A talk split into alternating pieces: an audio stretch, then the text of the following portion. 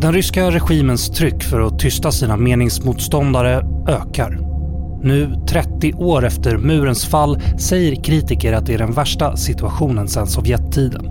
Samtidigt belönar omvärlden modiga aktivister med priser för deras kamp för yttrandefrihet och demokrati i Ryssland.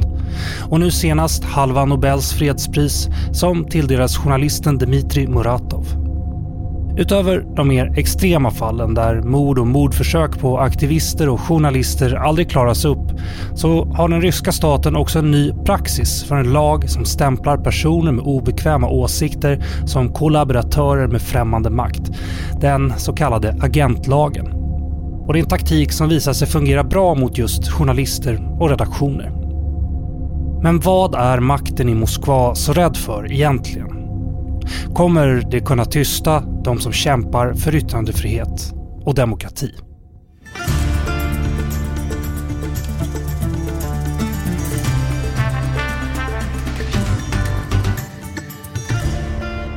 Du lyssnar på Utrikespolitiska institutets podd Utblick. Jag heter Jonas Lövenberg. Och för att hjälpa mig förstå hur det står till med yttrandefriheten hos jätten i öst, Ryssland, så har jag med mig Stefan Ingvarsson, analytiker vid UIs Centrum för Östeuropa-studier. Eh, bland mycket annat så har han även varit kulturråd vid Sveriges ambassad i Moskva. Välkommen Stefan! Stort tack!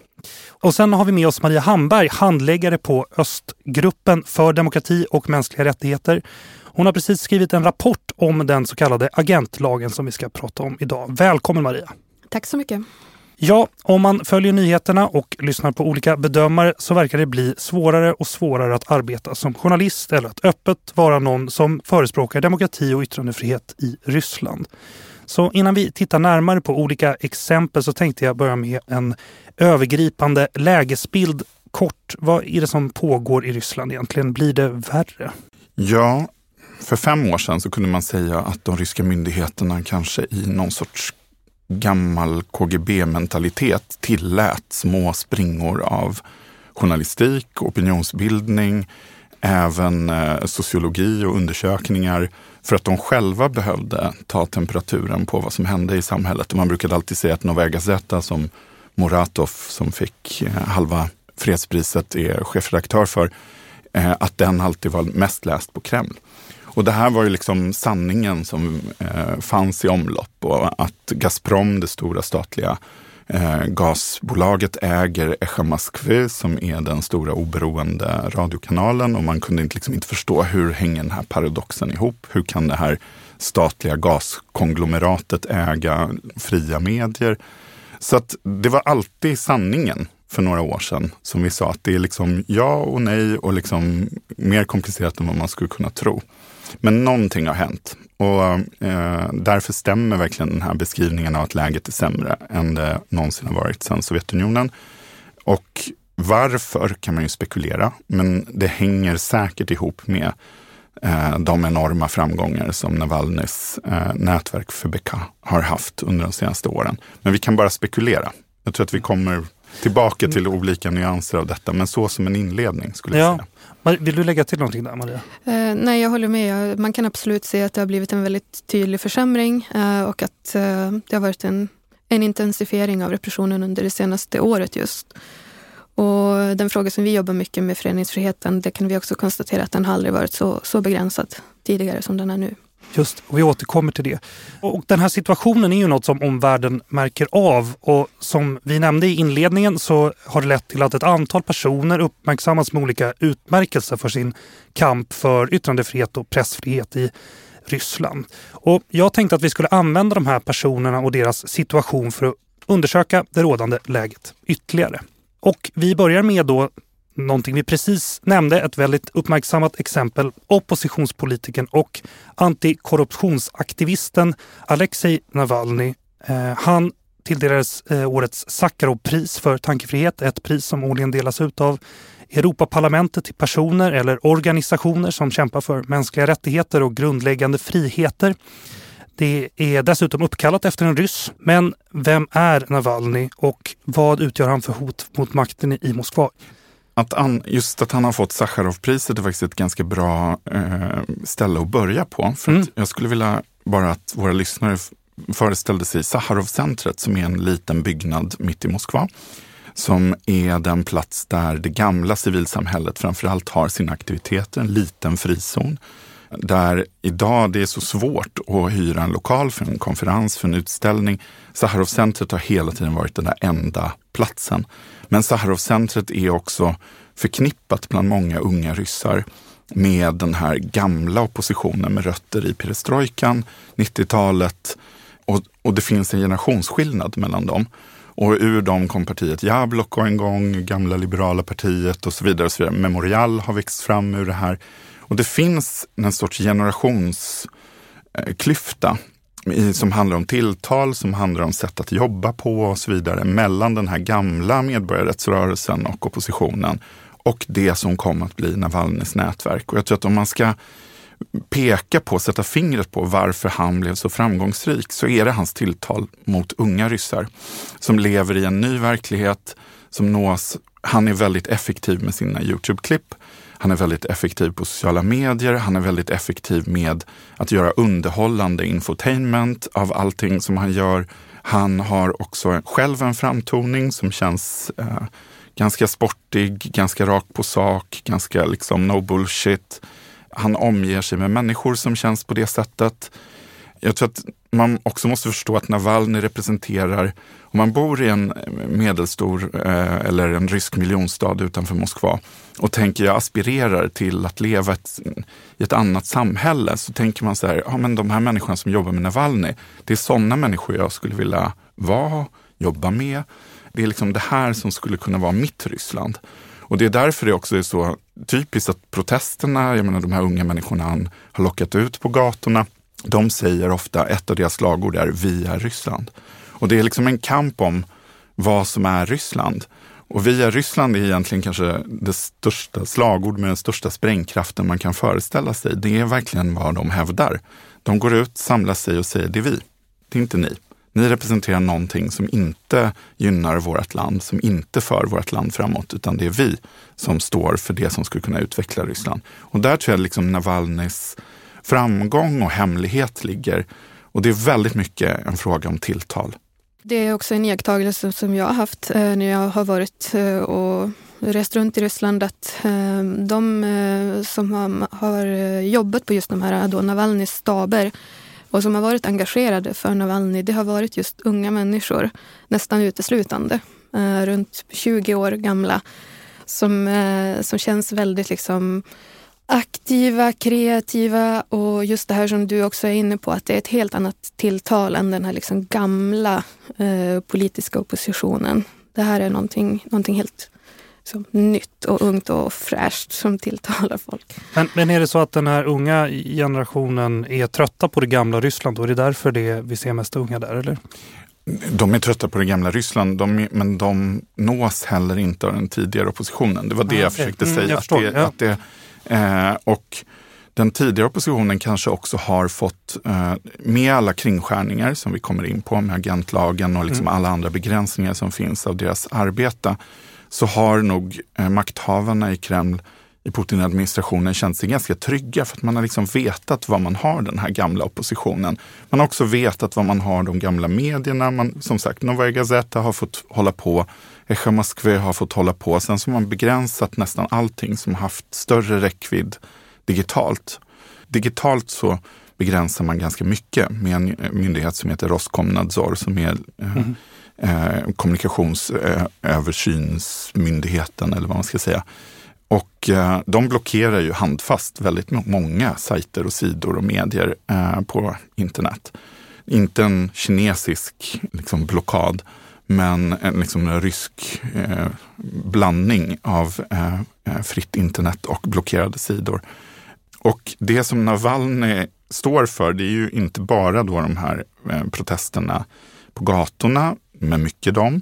Men det handlar ju också om att man har byggt ett eh, gräsrotsnätverk över hela Ryssland med mm. aktiva enheter. Med de här engagerade människorna som Maria beskrev. Och att de i sin tur blir sådana viktiga informationsspridare. För att hela hans nätverk handlar ju, det heter ju alltså antikorruptionsbyrån eller vad man ska säga, är ju namnet på deras organisation. Och det är ju korruptionen som har varit vägen in. De är en politisk rörelse men de är liksom riktade mot den lokala korruptionen. Och de går på de ansvariga politikerna eh, med otroligt bra grävande granskningar av eh, korruptionsaffärer. Och sen sprider de dem. Och, de, och därför blir det så svårt att prata, är de civilsamhälle eller är de ett medium? Mm. I det här nya liksom, ryska landskapet så är kanske Navalnys rörelse ett av de viktigaste, en av de viktigaste kanalerna för mm. eh, nyhets och informationsspridning som eh, inte utgår från makten. Men samtidigt är de ju inte per definition ett medium. De är ju liksom, de använder eh, klipp och eh, memes och eh, korta liksom, budskap på sociala medier. Hur skulle du klassa dem, Maria? Nej, de är inte ett, inte ett medium, det kan man ju inte säga. Men jag tycker också att det, just det som Stefan är inne på här, det, det tycker jag är ganska här, kännetecknande för det här nya ryska civilsamhället. Att de är väldigt duktiga på att använda sig av just liksom Youtube och andra sätt att nå ut med information. Eh, det är inte det här liksom, det gamla typen längre utan nu satsar man verkligen på informationsspridning, att nå ut väldigt brett. Så att många av de här som känns som att de är ganska duktiga, de, de blir ju i det här liksom gränslandet till att vara mera åt mediehållet. Det är ju precis som eh, den här organisationen som vi ska prata om sen också, Ovdinfo. Mm, just det. Nu har ni nästan svarat på det, men jag ska ändå fråga, finns det någon riktig opposition i Ryssland och liksom, vad har man för möjligheter att höras som opposition? Jag brukar säga så här, priset för, man har höjt priset för oppos all oppositionell verksamhet i Ryssland betydligt sedan 2015. Och det här är också någonting som förändras. För, för fem år sedan så ska jag säga att, den, att Ryssland satsar på självcensur. Man gör små, till synes eh, slumpmässiga tillslag mot någon som har skrivit något på Facebook här, någon som har gjort någon serieteckning här, någon som har eh, uttalat sig här. Och så liksom slår man ner och så blir det väldigt uppmärksammat. Gud, nu döms den här människan till tre månaders husarrest eller nu får den här en villkorlig dom eller en hög bot eller någonting annat. Och det här sprids och det skrämmer folk till tystnad. Och eh, idag har man skrämt ryssar så till den milda grad när det gäller internet och sociala medier. Att jag brukar säga så här, du, man kan inte mäta, alltså like, alltså vem går in och likar någonting när man vet att priset kan vara eh, liksom ett fängelsestraff. Så det är inte där, man ska inte liksom mäta ryska sociala medier på samma sätt som man gör hos oss. Utan jag tror att folk gör mycket rationella kalkyler kring när det är värt. Och därför är det väldigt viktigt, jag kan inte säga liksom proportioner, men 10 000 människor på en rysk gata, det är ju liksom 100 000 människor, 200 000 människor i Sverige. Om man tänker sig priset ja. som står bakom. Och ryssar är väldigt rationella i det här. De liksom har ju en tydlig bild av liksom, är det värt nu? Ja, jag är så jävla förbannad så nu går jag ut och jag vet vad priset är. Eller nu är jag så förbannad så nu skriver jag till och med om den här historien som jag varit med om på sociala medier för jag tänker att jag sprider det här. Och då är det ett enormt mod bakom det. Mm. Uh, och det, det, tycker jag liksom är viktigt att, att börja i uh, när vi pratar om opposition. Sen tycker jag att det finns områden där vi ser att det finns jättemånga rysk, unga ryssar som är engagerade i ett bättre samhälle. Och de kanske engagerar sig för cykelbanor i sin stad eller för bättre parker eller för eh, kooperativa eh, dagis eller någonting annat. Men det är liksom, man får det är där man får för där blir inte priset fängelse för, för ditt engagemang och där försöker myndigheterna mer kontrollera den typen av aktivism och kanske till och med bemöta den eh, i, i, vissa fall och, och ge de här cykelbanorna för att försöka kanalisera missnöje de vägarna. Och, och, jag tycker det är viktigt att vi tittar på de här områdena, för det är där vi ser att Ryssland, att Ryssland är ett väldigt aktivt samhälle som vill saker, men som hela tiden tänker på vilket pris eh, ett engagemang har. Jag tänker på eh, en, ett blogginlägg som Kalle Knivele skrev i våras, eh, just eh, när det här blossade upp runt Navalny. Jag tror att det hade rubriken på att nu förbjuder Ryssland politik. Eh, och det är kanske lite tillspetsat men också, tycker jag, ganska träffande. Just eh, Navalnys rörelse har ju stämplats som en extremistisk organisation eh, och efter att man gjorde det så är det praktiskt taget omöjligt att vara engagerad. Ehm, I alla fall i någonting som är kopplat till just Navalny. Och det, det kan ju leda till till väldigt långa fängelsestraff, alltså för den kretsen som, som är, har varit i toppen för Navalnys rörelse. Och eh, det är väldigt, väldigt många som har lämnat landet. Jag tror att man räknar med att det är uppåt eh, en tredjedel av alla som har lett eh, Navalnys rörelse ute i regionerna i Ryssland som har varit tvungna att lämna Ryssland. Men även eh, alltså bara ha mindre kopplingar till den här rörelsen efter att den har blivit extremistisk eh, är väldigt svårt. Det är förbjudet att, att dela extremistiskt eh, eller material som kommer från en extremistisk organisation. För Navalnys rörelse så eh, är det ju slut, slutet kan man säga nu när de har blivit extremistklassade. De här, de här lagändringarna kom för några år sedan och då sa ju de mer observanta människorättsförsvararna i Ryssland att nu har nu finns alla instrument för en tilltagande repression på plats lagligt. Ehm, och man måste också förstå att extremistlagen så som den är formulerad kan egentligen kriminalisera allt. Mm. Om du och jag träffas på torsdagar och spelar schack eh, så kan säkerhetstjänsten komma och säga vi eh, betraktar era möten på torsdagar som en eh, risk för landets säkerhet. Eh, ni får nu en reprimand och måste sluta träffas på torsdagar. Och om vi då fortsätter att träffas på torsdagar, då blir vi klassade som extremister för att vi inte följer den instruktionen. Och på det sättet kan man både ha lagar som skyddar yttrandefrihet och liksom på pappret rättsskydd för organisationer och liksom så vidare. Och sen så har man byggt ett parallellt system som i princip kan kriminalisera allt.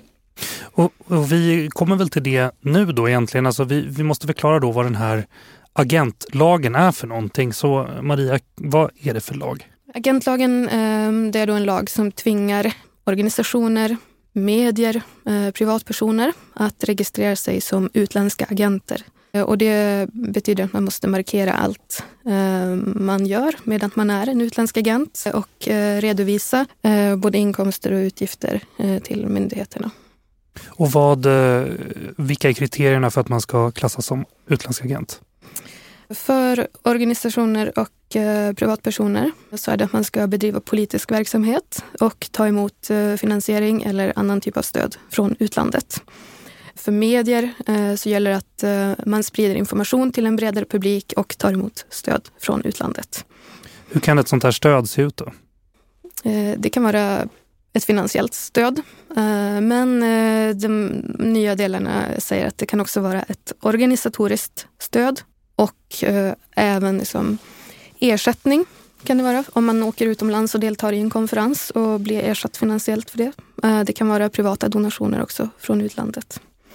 Hur, hur, lite, hur, hur litet kan stödet vara för att det ska uppfylla kravet om vi säger det organisation? Det finns inga gränser. Det finns inga gränser, okej. Okay. Um, ehm, så om man bara rådfrågar någon som sitter på fel sida om gränsen så kan det vara ett stöd, eller? Ja, det, det är ju väldigt oklart eftersom att den här delen inte har börjat att tillämpas än. Mm. Nej, jag förstår. Okej. Okay. Men eh, jag måste då fråga, vad in... Alltså oron, ja. Från, ja, oron från vår sida gäller ju den här nya formuleringen om att mm. det inte behöver vara bara finansiellt mm. stöd utan annat stöd mm. också. Mm. För det kan ju uppfattas som liksom att uppbackning och eh, eller att, eh, att man sprider ett narrativ som även finns i västerländska medier eller någonting. Eh, att det skulle vara tillräcklig grund. Så egentligen så har från att det här en gång handlade om eh, organisationer och medier som faktiskt tog emot eh, visst stöd. För det, var, det, det, kan man ju säga, från början så handlade det ju på, på riktigt om Ja, en del av det ryska civilsamhället har tagit emot svenska eh, biståndsmedel eller, eller via andra internationella organisationer och så vidare. Eller just deltagit i konferenser och, och blivit arvoderad eller skrivit en rapport åt någon utländsk aktör och, och fått pengar för det. Eh, så fungerar ju det internationella civilsamhället över hela världen. Det är ju liksom, finns ju, eh, det kommer ju bidrag och pengar och finansiering från olika håll. Eh, så från att ha börjat att vara det och kanske ändå lite liksom begripligt för vissa ryssar, ska jag säga. Alltså att vissa, man kunde höra ryssar som ändå var så här, ja, ja, men det här handlar ju faktiskt om sammanhang som också får pengar från utlandet. Eh, så att det fanns kanske en viss eh, förståelse i vissa kretsar för det här. Och, och, man använde också retoriken att USA gör samma sak. Och det ska man ju också poängtera att det gör USA. Det vill säga, USA har också en agentlag. Den tillämpas på ett lite annat sätt och med andra syften, men som handlar om att liksom tydligt visa vilka källor som har en utländsk finansiering i liksom den offentliga debatten. Men den, de här nya gränserna har ju luckrat upp allt. Mm. Så att eh, på samma sätt som nästan vem som helst kan bli extremist nu, så kan nästan vem som helst bli utländsk agent. Och de här två instrumenten gör ju att man kan eh, komma åt nästan vem som helst. Ja, just det. Men, och, men jag måste fråga också, vad innebär det att vara stämplad som utländsk agent? Då? Eh, ja, det är lite olika då för de olika mm. kategorierna. Visst. Eh, men om man tar det här, det som har varit aktuellt det senaste året är ju framförallt att man har ganska brett börjat att stämpla människor som utländska agentmedier. Eh, och det är då alltså privatpersoner och inte bara massmedier som har stämplats som utländska agenter. Och blir du då uppförd i det här registret som en utländsk agentmedia så måste du då skriva ut eh, överallt. Eh, allting som du publicerar i sociala medier så måste du skriva att eh, det här är ett material som har tagits fram av en utländsk agent och det ska vara det med stora caps lock-bokstäver och det ska vara först i varenda inlägg. spelar inte någon roll oavsett alltså vad du skriver om, det, det ska vara där. Och gör du inte det så kan du bli bötfälld. Och vi har redan fått se de första fallen med människor som har blivit bötfällda för att de inte har skrivit ut det här att de är en utländsk agent. Sen så måste du också redovisa dina inkomster och utgifter som sagt till myndigheterna. Och i de här fallen så är det alltså då i princip din privatekonomi som du måste redovisa fyra gånger per år. Och det är ganska stora dokument, det rör sig om över 40 sidor. Ja, det låter omständligt. Men, men, men vad gör det här då med, med, om vi tar en redaktion som exempel, blir man av med ekonomiska samarbeten? Blir man av med annonsörer och sånt där? Påverkar den på det sättet också? Eh, ja, det gör det. Eh, det är ganska många som har förlorat annonsintäkter eh, efter att de har blivit stämplade som utländska agenter. Just eftersom att man inte vill synas i de sammanhangen såklart. Och det är också svårare att hitta människor som vill ställa upp på intervjuer, figurera i sina program eh, eftersom att man också kan bli utländsk agent om man eh, deltar i utländska agenters eh, verksamhet. Eh, det finns exempel på de som har haft svårt att eh, hitta personal, behålla personal. Så, så man skadeskjuter liksom ett mediehus om man skulle ge den här Ja, jag, skulle, alltså, jag tycker vi går in på Medusa som är, mm. faktiskt har varit en väldigt viktig informationsförmedlare framförallt Berätta vad det är för... Det är en, eh, en rysk nyhetsredaktion som har gått i exil, som mm. verkar från Lettland och som ändå från sin exil i Lettland har kunnat jobba ganska öppet i, i Ryssland och sprider nyheter. Det är en riktig nyhetsredaktion. Sprider nyheter framförallt eh, digitalt Eh, och de har haft medarbetare över hela Ryssland som gör eh, nyhetsrapportering och även en del grävande journalistik. Eh, men sen de blev stämplade som utländsk agent och här är det ju liksom, de verkar från ett EU-land. De har finansiering från eh, utländska källor. Så att här var det ju liksom by the book då, mm. när de stämplades som utländska agent. Men samtidigt så innebär ju det också att eh, de reklamintäkter de hade från ryska företag försvann till stor del. De donationer de hade från ryska individer försvann och prenumerationer. Det här urholkade deras möjlighet att bedriva journalistik, framförallt den mer grävande. Därför att det är svårt att arvodera eh, medarbetare i Ryssland som bedriver den här journalistiken för att då kan de bli stämplade som individuella utländska agenter. Så att eh, det här var, visade sig vara ett väldigt, nu är Mendoza still going strong på olika sätt. Men det här visade sig vara ett väldigt effektivt sätt att begränsa Medusas ny nyhetsförmedling i Ryssland. Ja, och just det här att det nu är möjligt att eh, klassa privatpersoner som utländska agenter har ju förändrat väldigt mycket. Om, om man tittar på ett vanligt sätt tidigare att komma undan den här stämpeln för just organisationer så har det ofta varit att man har kunnat eh, då stänga ner sin organisation om den har stämplats som utländsk agent och startat upp en ny och på det sättet, mm, i alla fall för ett tag, eh, kunna komma runt den här stämpeln. Men nu när det är personer så går inte det längre. Eh, det finns ingen möjlighet att, att likvidera sig själv och starta om sig själv på det sättet. Utan det är troligt att är du, har du blivit en utländsk agent så, så är du det. Vi går vidare till nästa pristagare. OVD Info säger jag. Hur uttalar man det på ryska? Det funkar, okej. Okay. det är en organisation som håller koll på vilka och hur många som grips vid gatuprotester och som också kan erbjuda juridisk hjälp när sådana här gripanden inträffar. Grundarna av OVD Info tilldelades i oktober den svenska människorättsorganisationen Civil Rights Defenders pris Civil Rights Defender of the Year. Eh, OVD Info har stämplats som utländska agenter. Så hur arbetar OVD Info? och Varför anses de utgöra någon typ av hot mot makten? Maria? Eh, ja, men du har ju redan eh, beskrivit ganska grundläggande vad OVD Info är för någonting. Och det är sant som du säger att de eh, bevakar framförallt mötesfriheten i Ryssland. Och eh, de har eh, väldigt, väldigt... Det är en ganska um, välfungerande organisation som har väldigt många volontärer eh, som är knutna till sig. Så de är ute och bevakar eh, demonstrationer och de använder sig av modern teknik för att kunna hjälpa aktivister som råkar illa ut. De hittar advokater åt dem och erbjuder också annan typ av stöd till demonstranter. Och eh, de har både analytiskt och eh, nyhetsmaterial eh, som de sprider. Eh, och det är väldigt, väldigt omfattande arbete som de bedriver för att just uppmärksamma de här frågorna runt mötesfriheten framför allt.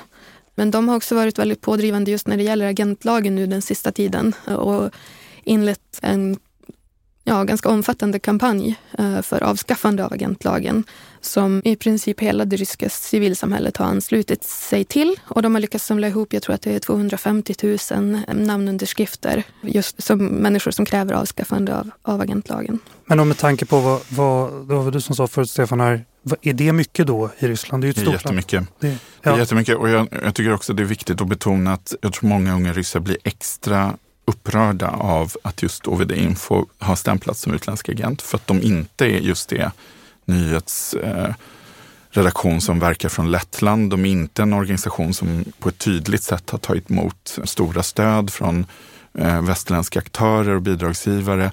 De är verkligen en gräsrotsorganisation som kommer ur liksom en, en kärna av engagerade jurister och aktivister i, i Ryssland. Och det, de är, alltså, kunskapen om dem är så pass spridd så varje människa som blir gripen när de sitter i en polisbil så vet de vilket nummer de ska skriva till. De liksom säger, jag heter så här, så här, jag har precis blivit gripen, jag tror att jag är på den här gatan. Liksom, så var, varje, varje gång det sker protester, varje gång det sker massgripanden så har de enormt pålitlig information. Alla jobbar mot dem. Eh, så att jag tror också att de ryska gräsrötterna verkligen ser det här. Det här är, det här är liksom vårt nätverk, det här är vårt system. Att liksom myndigheterna klassar det här som någonting utländskt är djupt provocerande. För att det här är verkligen, liksom, kommer ur kärnan av ett ryskt samhällsengagemang.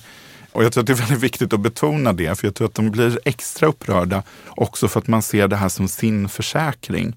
Man mm. ser liksom mm. det här som de som är, det är ju de som möjliggör att man vågar. För att du kommer inte försvinna i någon polisbil, du kommer liksom inte försvinna i något häkte, utan man litar på att OVD Info kommer att ha koll på dig och kommer att göra allt de kan. Och det inger mod. Och det är ju därför också myndigheterna går så hårt mot dem. Mm. För det är ju det här modet man vill komma åt. Men okej, okay, eftersom den här organisationen då behövs, verkar det som, så alltså, hur ser vanliga ryska medborgares möjlighet ut att uttrycka sig egentligen? Ja, jag var inne lite på det där med ja. den slumpmässiga repressionen på sociala medier och i andra sammanhang som ju mycket har handlat om självcensur. Mm. Det är ju klassiska sättet att, eh, att försöka få till självcensur är ju att slumpmässigt slå till här och där och, och utan någon väldigt logisk grund så att alla blir lite oroliga kring var gränsen går. Och jag tror att det är också det som är så svårt när man pratar om yttrandefriheten i Ryssland. För att gränsen för den, den, det är en magkänsla och den magkänslan har man bara när man är där på plats och vistas i den här miljön. Och då kan man liksom känna, är, vad är möjligt? Repressionen har också gått lite fram och tillbaka, ska man komma ihåg. Den har liksom, en linje har varit tilltagande hela tiden, sedan 2014 åtminstone Eh, men kanske sedan 2009, 2006 någonting egentligen. Men jag menar, det, det är en linje. Men sen på kort sikt så har det liksom, man har känt att nu är myndigheterna extra försiktiga inför något så kallat val eller eh, någon planerad protest eller någonting. Och sen så liksom eh, släpper det lite. Så att det har också varit så där under ett år så kan liksom folk kan ha känt i sin mage att just, så här, just nu i augusti är det bäst att liksom vara tyst. Och sen, äh, nu känns det som att myndigheterna har lugnat ner sig lite grann och så kanske man vågar mer. Men det, även det där verkar förändras. Men jag tycker att det är viktigt att betona den här magkänslan bara för att folk ska förstå som inte är i Ryssland, att det inte är en exakt vetenskap det här var gränsen går.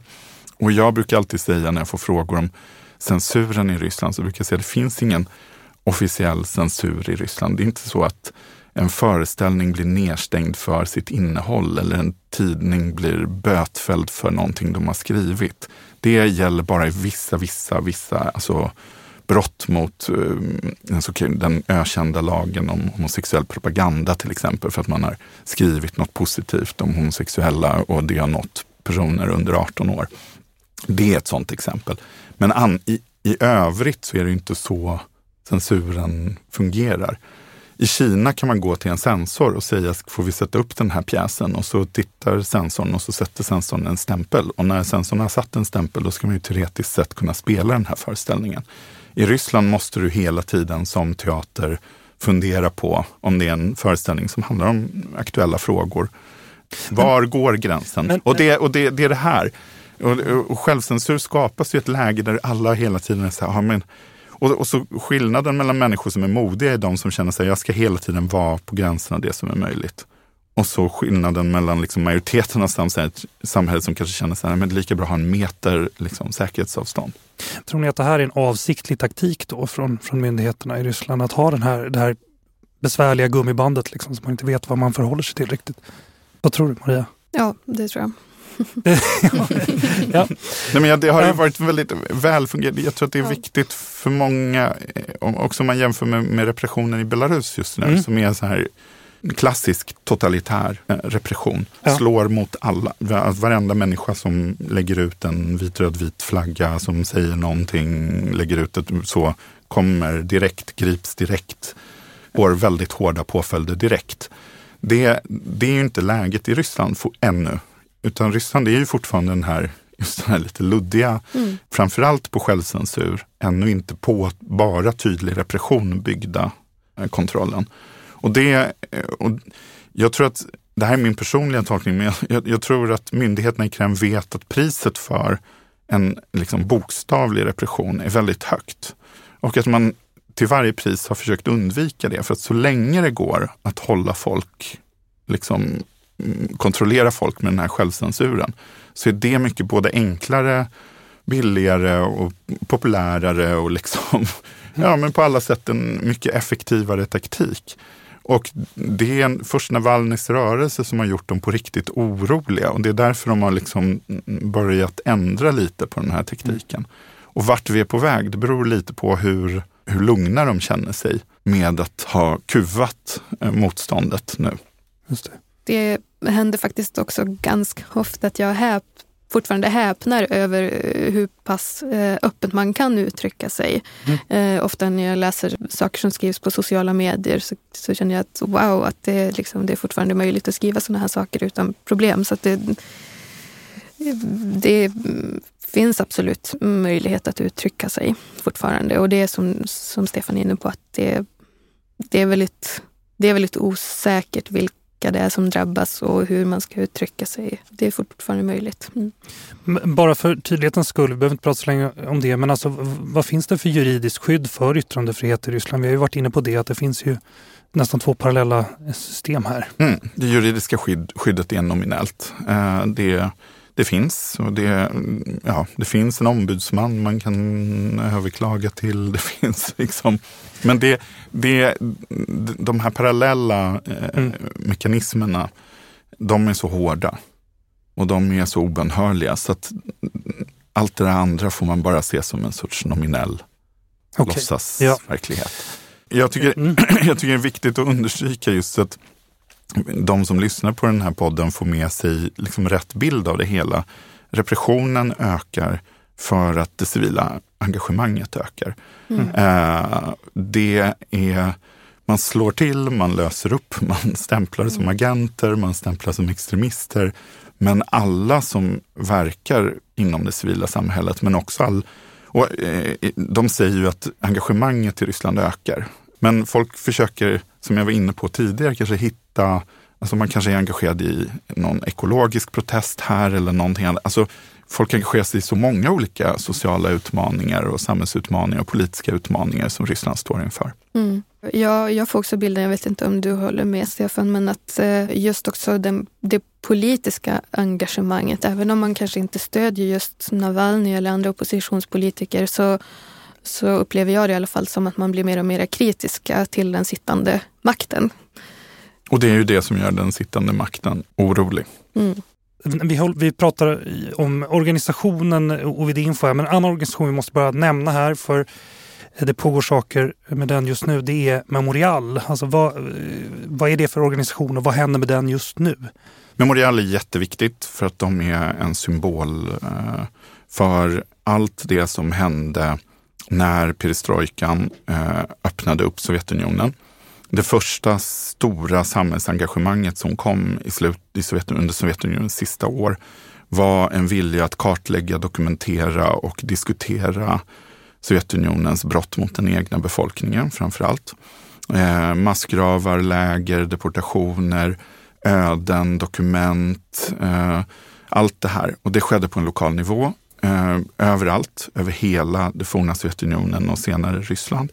Och Memorial blev liksom paraplyet som samlade hela denna folkrörelse. Så man kan säga att det är den ursprungliga viktigaste folkrörelsen eh, i det postsovjetiska Ryssland. Och ur ett, eh, och en vilja att man ville bygga ett samhälle på sanning och en ny syn på människan. Hela den här människosynen som hade präglat Sovjetunionen under sina, eller de människosynerna som hade präglat Sovjetunionen under olika epoker ville man göra upp med och ville man på något sätt liksom komma bort ifrån för att man skulle kunna börja ett riktigt medborgarbaserat samhälle, inleda det. Och Memorial är även idag den, den viktigaste förvaltaren av det här historiska minnet av sanningen om vad eh, Rysslands medborgare drabbades av under Sovjettiden.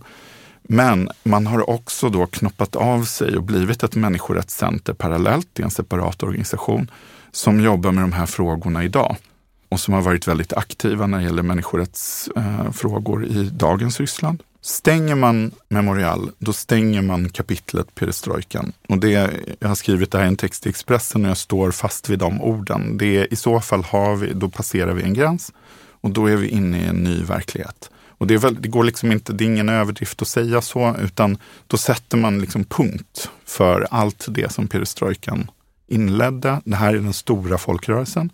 Då stänger man ner den. Och då är verkligheten helt ny. Då kan vi verkligen säga så här, nu har vi att göra med ett nytt Ryssland. Och det som händer nu är väl att det pågår, på inletts två olika rättsprocesser mot Memorial. Ja. Och Maria, vad är det för någonting? Ja, det är dels då här ehm, delen av Memorial som jobbar med det historiska minnet. Mot dem har det då mm, lämnats in en begäran om att stänga ner organisationen på grund av eh, systematiska brott mot agentlagstiftningen just. Och det är så att de vid ett flertal tillfällen under de senaste åren inte har märkt ut då i allt sitt material att de anses vara utländska agenter och har bötfällts till väldigt höga summor på grund av det. Och det är då eh, det som ligger till grund nu eh, för att organisationen då riskerar att likvideras. Och det är samma grund, grundanklagelse mot det här människorättscentret Memorial också. Men där finns det också ytterligare en del eh, där man menar att de har rättfärdigat terrorism och extremism. Och eh, den här, det här människorättscentret Memorial, de eh, för då eh, en lista över politiska fångar i Ryssland. Och eh, bland de här politiska fångarna så har man då eh, satt upp företrädare för Jehovas vittnen som är klassat som en extremistisk organisation i Ryssland eh, och även företrädare för Hizb Tahrir som är klassat som terroristisk organisation. Men det betyder ju inte att Memorial delar de värderingarna eller liksom tar ställning för, för deras eh, deras politiska åsikter eh, utan det betyder bara att de, de anser att de här personerna inte har fått eh, en rättvis rättegång. Okej, och vi får se hur det går med de här rättsprocesserna då? Det, hela Ryssland tittar just nu på ja. de här, alltså hela det ryska civilsamhället eh, tittar mm. på de här processerna för att det, det här är ju den här symboliska gränsen. Mm. Det är också väldigt viktigt att betona att just mot det internationella, alltså de som framförallt jobbar med historien, den delen av Memorial, Alltså anklagelserna rör till exempel att de har haft med sig böcker på bokmässor och evenemang som trycktes innan de blev agenter. Där det inte på ett tydligt sätt står på, de har liksom inte klistrat in en lapp att de är agenter. Alltså det, det, det är på ja. den nivån, bara så att man förstår att det här äh, handlar verkligen om att man har letat efter en anledning. Mm. Den tredje pristagaren vi ska titta närmare på är fredspristagaren och journalisten Dmitrij Muratov chefredaktör för tidningen Novaja Gazeta. Han delar Nobels fredspris med en annan journalist, Maria Ressa från Filippinerna och vi får återkomma till henne en annan gång. Men hur ser Muratovs situation ut och anses han utgöra något hot mot makten? Man får gå tillbaka till vad Novaja Gazeta är, bildad också precis efter eh, Sovjetunionens upplösning väldigt många unga journalister som kom från tidigare sovjetiska tidningar. Han själv kom från Komsomolska Pravda, liksom den unga eh, Sovjetmakttidningen. De var en generation journalister som försökte bygga en oberoende och modern journalistik i, i Ryssland. Sen har Novaja Gazeta kringskurits, motarbetats, Eh, Eh, på alla möjliga sätt. Eh, flera av deras journalister har mördats.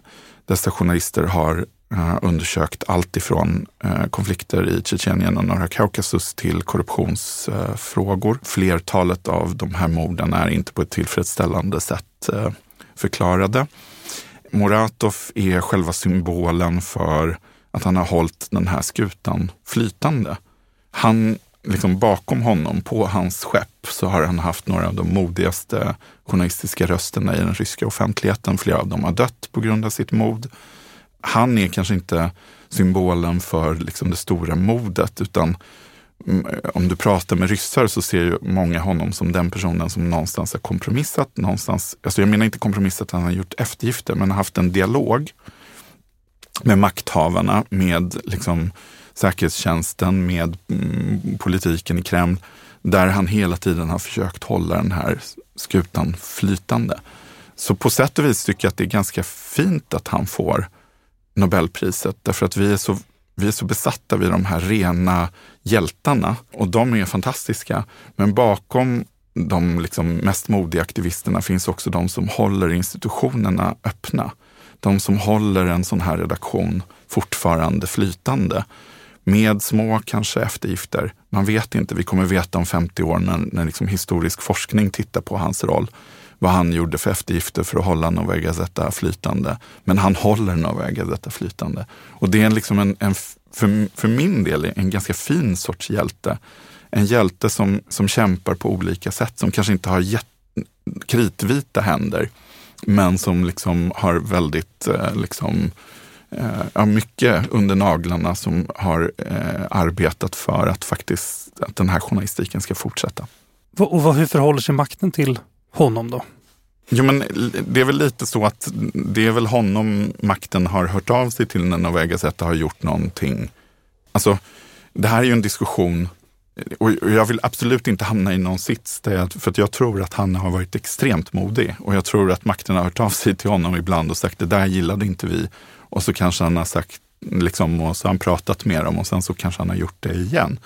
Men det är ju tydligt att den typen av chefredaktör måste ha en, en dialog med makthavarna någonstans. Så det är ju honom som makten, ja, det är ju, det, det är ju deras kanal. Liksom.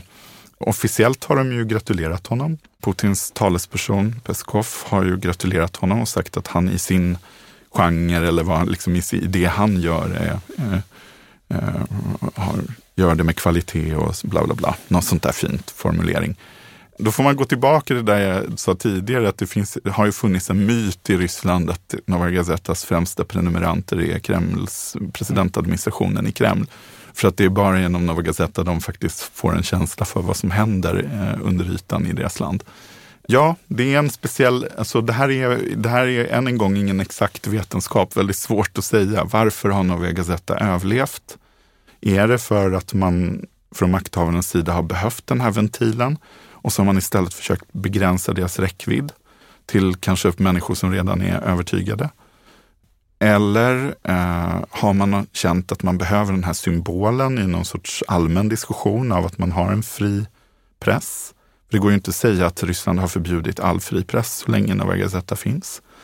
Allt det här är ju spekulationer och nyanser mm. och kanske väldigt många faktorer som samspelar. Också så här är det här är då en tidning som då med en unik position kan bedriva sin verksamhet på något sätt. Men hur ser situationen ut för journalister i Ryssland överlag då?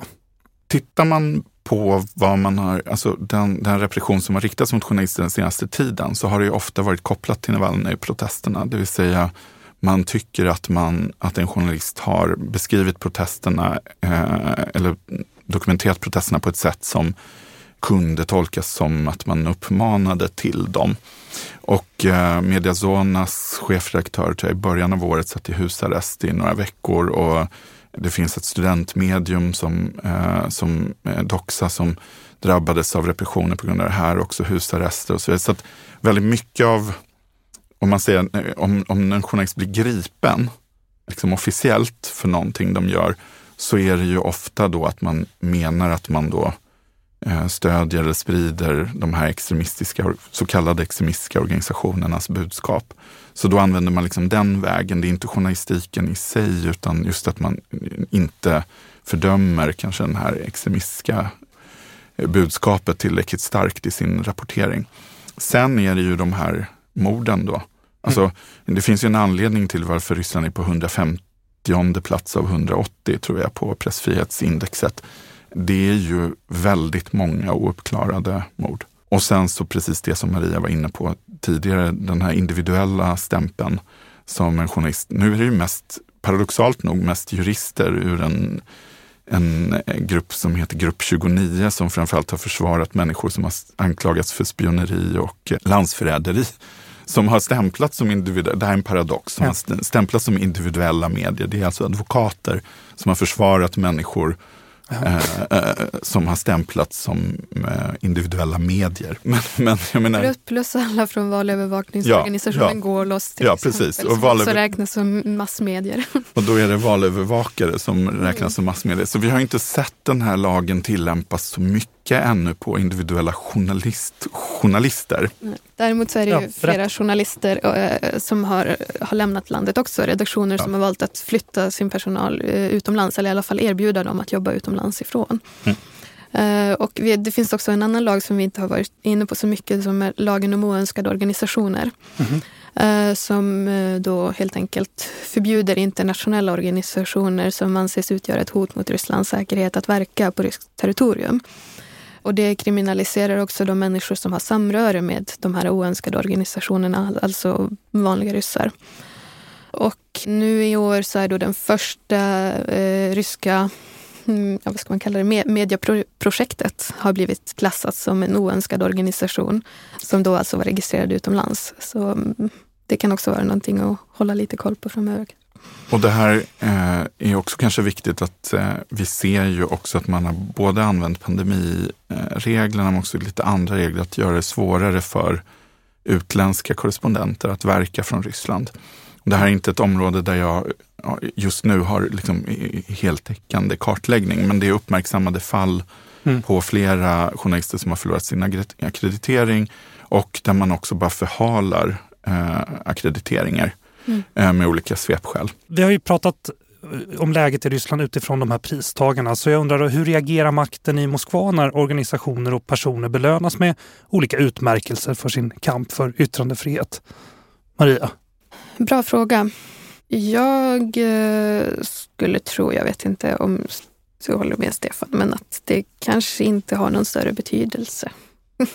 Nej, jag skulle okay. nog också säga att jag är inte säker på att det har en jättestor betydelse. Men eh, om vi pratar med eh, aktörer i Ryssland själva mm. så mm. välkomnar de de här priserna. Ja. Och de, har, de säger att det kanske är naivt av oss att tro, men det kanske ger någon, något litet skydd. Ja, och framförallt också är det många som upplever att det, det är en stor eh, uppmuntran och stöd i deras arbete när de ser att de här då journalister kan få sådana här priser eller OVD-info som har fått det här priset. Vi har ju också nu i veckan eh, så delas ju Right Livelihood-priset ut här i Stockholm. Och en av de pristagarna är också en utländsk agent från Ryssland, från en miljöorganisation som heter Miljöförsvar. Och det, och det är, en jätte, det är såklart jätteviktigt eh, för många aktivister eh, runt om i Ryssland att se att upp, deras situation eh, och deras arbete uppskattas.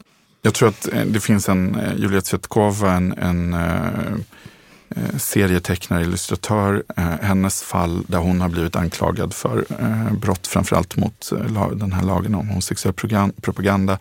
Eh, den internationella uppmärksamheten kring henne har helt tydligt gjort att myndigheterna måste hålla tungan rätt i mun i processen mot henne. Jurij Dmitrijev, eh, en, just en av de här personerna som kartlägger Stalintidens brott i Karelen, som har enligt ryska människorättsorganisationer då eh, anklagats för helt fik mm, fiktiva eh, anklagelser om barnpornografi och eh, sexuella övergrepp mot en fosterdotter. Uppmärksamheten kring honom har helt klart också fått myndigheterna att förstå att de inte bara kan lösa det här i skymundan i Karelen det är klart att den enorma internationella uppmärksamheten på högsta politiska nivå kring Navalny är någon sorts eh, livsförsäkring för honom i det fängelse där han befinner sig. Så att jag vill ju liksom inte, ja, jag tror du, både, både du och jag började med att säga att de kanske inte bryr sig så mycket, eller det spelar kanske inte så stor roll, men ändå i de här mest extrema fallen så ser man ju ändå att, eh, kanske inte så mycket bara priserna, men priserna ger ju uppmärksamhet. Och uppmärksamhet mm. verkar faktiskt spela roll. Om vi eh, tittar framåt lite också, då, vad, vad, hur tror ni framtiden ser ut när det kommer till yttrandefrihet i Ryssland? Vi, säger, vi har sagt nu att det har blivit värre de senaste åren. Ser vi att det kommer lätta trycket på något sätt? Ja, eh, jag vet inte vad du tycker Maria, men jag, jag skulle säga så här den sittande administrationen i Kreml har inte in, det finns inte ett egenvärde för dem att öka repressionen. Repressionen för dem är ett sätt att hålla, behålla makten. De hade gärna behållit makten med, med mer bröd och skådespel som det var efter annekteringen av Krim. Det var ju liksom en jättehärlig popularitetsfestival. Man kunde liksom, här härligt eh, liksom soligt område i Svarta havet som vi har åter, liksom, quote unquote, återbördat till Ryssland. Vi visar oss starka, vi sätter emot och så plötsligt är man jättepopulära. Det är ju mycket roligare. Det är ju, det är ju som man helst skulle vilja att det var. Men nu är folk missnöjda och protesterar och organiserar en massa saker som känns hotfulla mot eh, lokala och federala makthavare på riktigt. Och då känner man så här, okej, okay, vi har, kanske inte har så mycket fyrverkerier, liksom, folk kanske inte är så himla glada. Eh, det går inte att rulla ut en ny festival eller konsert eller liksom, eh, patriotisk liksom, manifestation. Och då står man där med de verktyg man har, det vill säga repressionen. Så det här är ju, det här, det är ju liksom en, en aktion-reaktion situation vi har. Inte någon sorts agenda att man vill liksom göra Ryssland totalitärt igen. Man vill behålla makten. Mm. Ja, tyvärr så, så ser inte jag heller så så vad säger man, ljust på eh, i alla fall de närmaste åren. Och om vi återigen kommer tillbaka till den här situationen som vi har nu med Memorial.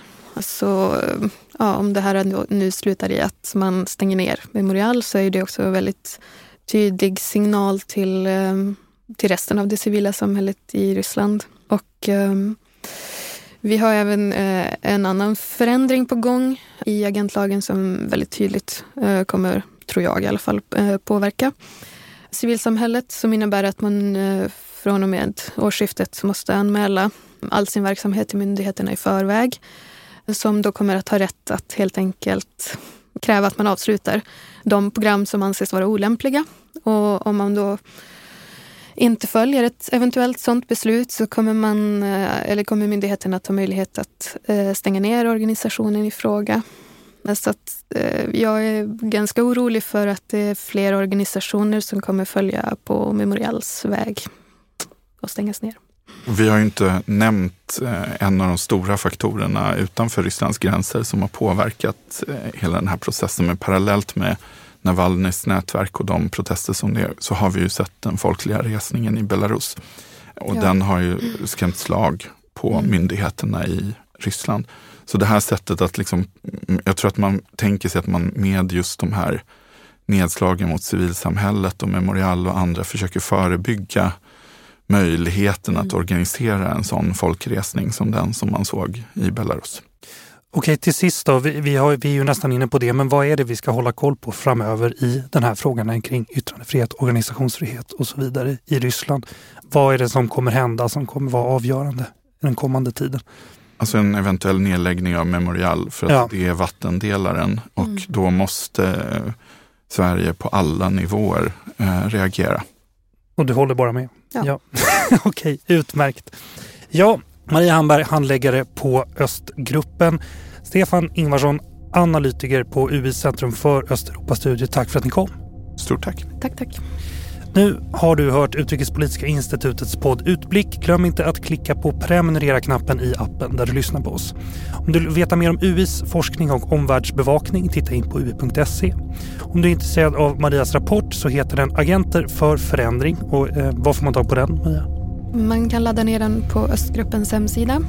Och vad är det? Ostgruppen.se? Ja. Och det är lika roligt varje gång? Ja. ja. Vår vignett är komponerad av Friden Frid. Tekniken sköttes idag av August Bolin. Jag heter Jonas Lövenberg. På återhörande.